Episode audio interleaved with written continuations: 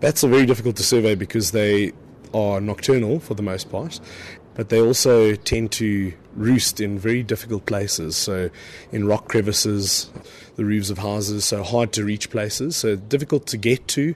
We don't like spending a lot of time out at night. Parker sê mense besef nie altyd hoe belangrik vlermuise is nie. They play a role as bioindicators, so they can be indicators of climate change. So when bat numbers change or bat species richness or, or, the species in a particular area change, that gives us some sort of indication that something's happening in the system, be that climate change, a change in, in uh, habitat fragmentation, so in agricultural systems and so on.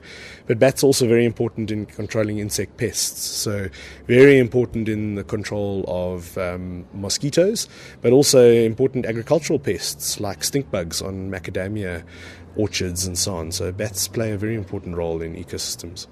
Hy het akoestiese verklikkers ingespan om 'n opname van vlermuise te maak in die Mapungubwe Nasionale Park. Acoustic detectors in simple terms is what we call a bat detector. So bats use sound to navigate and to feed and they produce the sound which is at quite high frequencies generally and so we can't hear it but they produce the sound and if you use a really cool, fancy device that is able to interpret that sound and record that sound, you can then go back to those bat detectors and figure out which species are there or, or might be hanging out in a particular area. Maar hoe lyk hierdie akoestiese verklikkers? So it's just a box.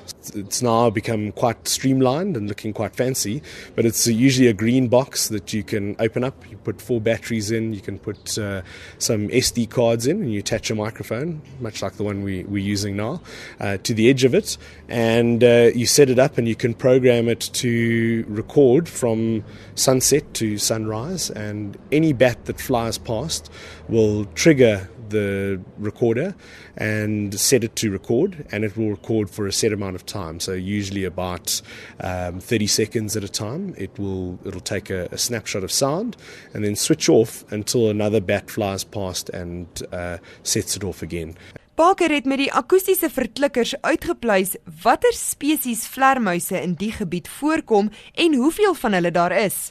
Hy kon ook die gedrag van die vlermuise gedurende winter en somermaande vasstel. Some of the cool stuff that we we learned is that we figured out there's a new species that hadn't been described by scientists before. Uh, it's a new horseshoe bat. Uh, and then we also recorded a, a species that has only for the second time been recorded outside of KwaZulu-Natal. So it's a it's a range change in that particular species, which is a, a much larger bat that calls at a, a lower frequency, which babies might be able to hear, but certainly adults won't be able to hear it. I sê die nuwe spesies wat ontdek is, is klein en eie soortig. It looks pretty ugly. It's quite small. It's probably a little bit bigger than somebody's thumb. Uh, its body it calls at, at 100 kilohertz, which is, is very high for um, most bats in southern Africa. And it's got these really funky sort of kind of like uh, ornamentations on its nose. It's called a horseshoe bat because it's got a, a nose leaf that uh, will uh, that's shaped as a, as a horseshoe, a main nose leaf that's shaped like a, like a horseshoe on its on its nose, and then various other little projections that stick out from its nose, and it, it, that's important because it uses its nose to echolocate out of or call out of. Die geluide wat vlermuise maak, kan nie altyd deur mense gehoor word nie, maar as dit opgeneem en aangepas word, klink dit so.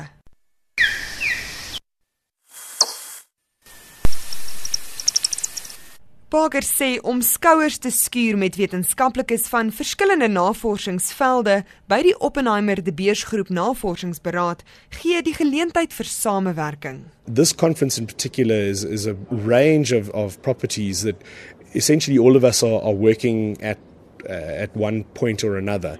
And so we're able to combine ideas, um, think about what is what are the important questions, research questions going forward. Um, so it's, it's a networking opportunity. It's also an opportunity to to say thank you because uh, many of us are funded by um, the Oppenheimer Group. Dit was professor Dan Parker van die Universiteit van Mpumalanga. Ek is Henry Wondergem vir SAK nuus.